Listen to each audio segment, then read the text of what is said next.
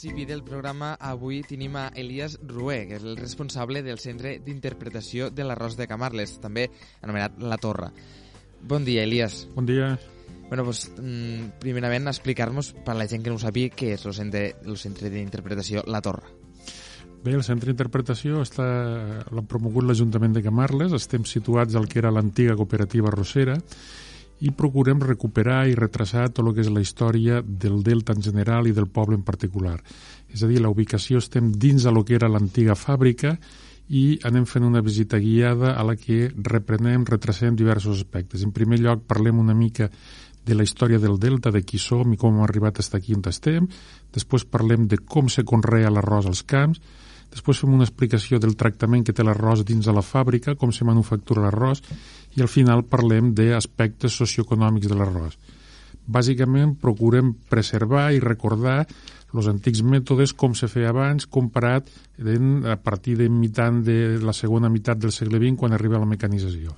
Vale. Te'n recordes dels, de com va començar el centre, quan, quan va començar i com van ser els inicis? Eh, és una aspiració antiga de diferents alcaldes del poble i finalment l'any 2015 és quan a través d'un acord entre l'Ajuntament del poble i la cooperativa rossera actual, Roseres del Delta, s'arriba a un acord de cessió de l'espai i a partir d'allí l'Ajuntament, amb ajuda de fons europeus, va mm, endreçant i fent el centre fins que obrim a abril del 2015. Vale, I a la població de Camarles, més que res per a, bueno, també per als turistes, això és un gran atractiu, no? Potser? Bé, és un atractiu turístic per a la població i per a la gent de fora, tot i que podríem dir que la visita té dos vessants ben diferenciades. La gent que ve de fora, que ens visita des de fora, podríem orientar la visita cap a una vessant més tècnica, explicar el conreu de l'arròs, que és una cosa que la gent del, del territori, sobretot la gent del poble, coneix bastant. Per la gent del poble el centre té una vessant molt més afectiva. Pensem que estem preservant un lloc on havien treballat els seus pares, on surt la gent del poble als vídeos, a les fotos, i per a alguns el record és francament emocionant. Clar, I a llarg termini quins, quins objectius teniu? Bé, com a centre? Camarles és un dels set pobles del Delta i eh, hem de dir que pretenem orientar-nos ara cap al sector terciari, una mica cap al turisme, i la finalitat és que sigui un actiu turístic eh, referent al Delta, com podria ser l'Ecomuseu de, de, de, del Tebre o d'altres. La idea és cada vegada captar més gent de fora i cada vegada ampliar instal·lacions. Eh, ara mateix tenim un creixement bastant sostingut, tot i que d'un any cap aquí, doncs, com tothom, hem estat molt tocats per la pandèmia i ara tornem a reprendre una mica. Clar, ara que ho dius, la pandèmia com vos ha afectat a vosaltres com a centre d'interpretació? Bé, eh, lògicament hem tingut una davallada de visitants important, sobretot el que va ser tota la primavera de, del 2020. Teníem molts, molts acords de partenariat amb empreses turístiques, fèiem molts busos, i ara tractem de reprendre una mica. Esta primavera ja hem tingut bastants viatges escolars, hem continuat fent i estem fent aquest estiu bastants viatges eh, atenent a particulars i per descomptat el centre continua obert a tota aquella gent que culturalment tingui alguna cosa a dir. No només ens ocupem de la història de l'arròs, sinó que eh, fem, toquem temes gastronòmics, de cultura, fem exposicions d'escultures, de pintura, fotos, etc. És a dir, val a dir que tot aquell que tingui alguna cosa a dir culturalment, que contem nosaltres, que els ajudarem. I de totes les activitats que, que heu fet, perquè mm, ja fa anys que, que aneu fent coses, mm, quina activitat diries que és la, la més important o la més destacable que feu?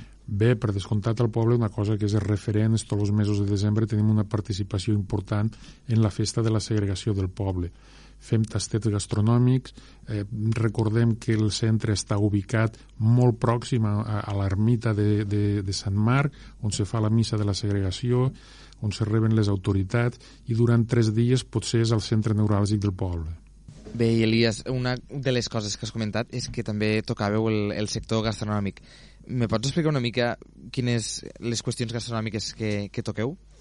Bé, pretenem que el centre sigui motor eh, cultural i turístic del poble.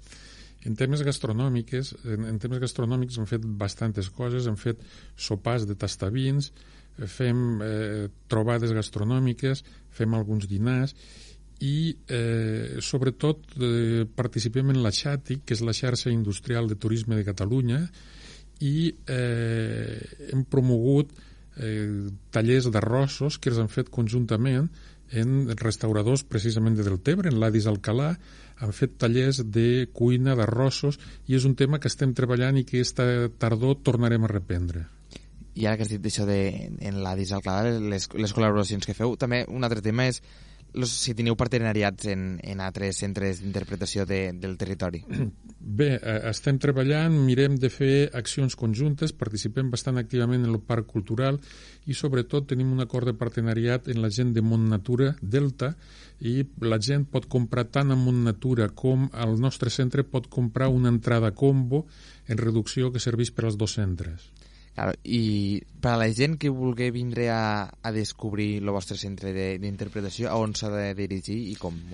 En principi, eh, a la nostra web, a camarles.cat, estan publicats els horaris i el calendari. Nosaltres estem oberts tots els dies de la setmana, de dimarts a dissabte, de 10 del matí a 1 de la tarda i de 4 de la tarda a, a 6.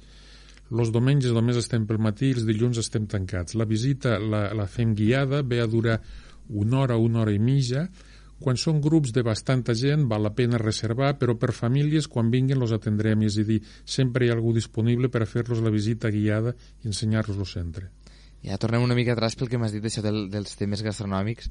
Eh, mm, vosaltres, com a, com a centre d'interpretació, mm, la reacció de, que tingui la gent de fora quan veuen los, los arrossos i això, quina diries que és? Com, com ho veus? Eh, concretament, sí, ja et dic, han fet tallers, els han fet tant en l'Adis Alcalà com eh, xef Curto del poble i eh, quan van fer el taller d'arrossos en l'Adis Alcalà la xarxa de turisme industrial de Catalunya feia diverses accions promocionals coincidents en el temps, a la Setmana del Turisme Industrial de Catalunya.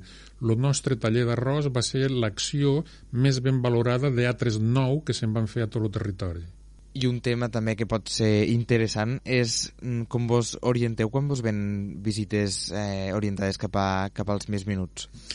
Bé, la visita que programem normalment està programada i orientada en explicacions per adults i quan venen eh, col·legis, crios més joves, més menuts, procurem fer una visita més amena, més distreta, sobretot més participativa, simulem que plantem arròs, que seguem, anem explicant les diferents coses, i és una activitat que fa francament bé, és a dir, ens hem d'adaptar a totes edats, igual rebem eh, alumnes de colònies d'estius de P3, P4, que rebem alumnes d'escoles d'enginyers de Madrid, que rebem grups cada any d'escoles d'enginyers.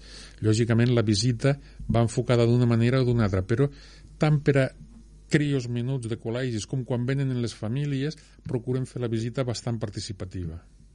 Que, mm, claro, eh, los canvia molt potser la, la visió que tenen los, los més minuts a, quan venen els més grans, no? Potser és un altre tipus de, de, de ruta que feu o bueno, les reaccions són diferents. Són molt diferents, és a dir, quan ens dirigim a un públic adult, el públic té una certa curiositat per com se conrea l'arròs, pels tipus d'arròs, per aquestes coses, que explicades a una criatura que té 8 o 10 anys potser és massa avorrida.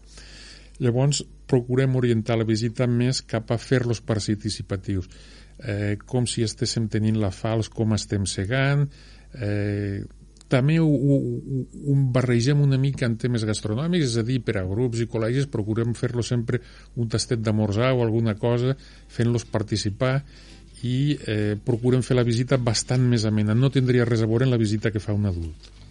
Claro. Segurament això és el centre d'interpretació de l'arròs de, de Camarles és un dels, un dels atractius turístics potser més importants de, de Camarles.